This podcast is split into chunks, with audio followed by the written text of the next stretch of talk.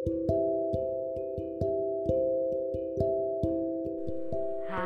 selamat datang di podcast Kolase.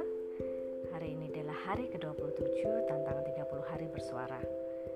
Ya, tema kali ini adalah akhir. Nah, akhir, yes. Tahun ini adalah benar-benar hari eh, tahun yang sangat luar biasa ya.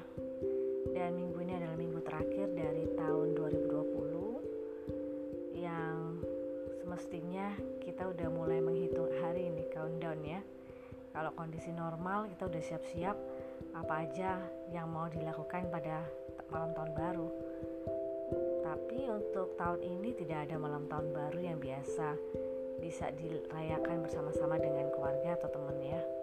Karena kondisi keadaan saat ini tidak mendukung untuk kita melakukan kumpul-kumpul begitu.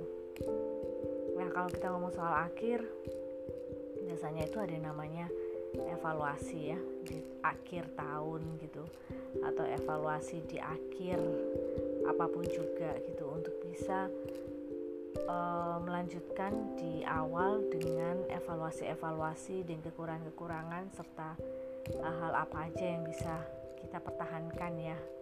Hal yang baik. Nah itu dia. Akhir tahun gitu ya. Akhir tahun juga ngomong soal liburan akhir tahun yang kayaknya nggak deh ya untuk kali ini liburan akhir tahun. Jadi yang namanya akhir itu selalu titik namun titik itu bisa menjadi sebuah awal yang baru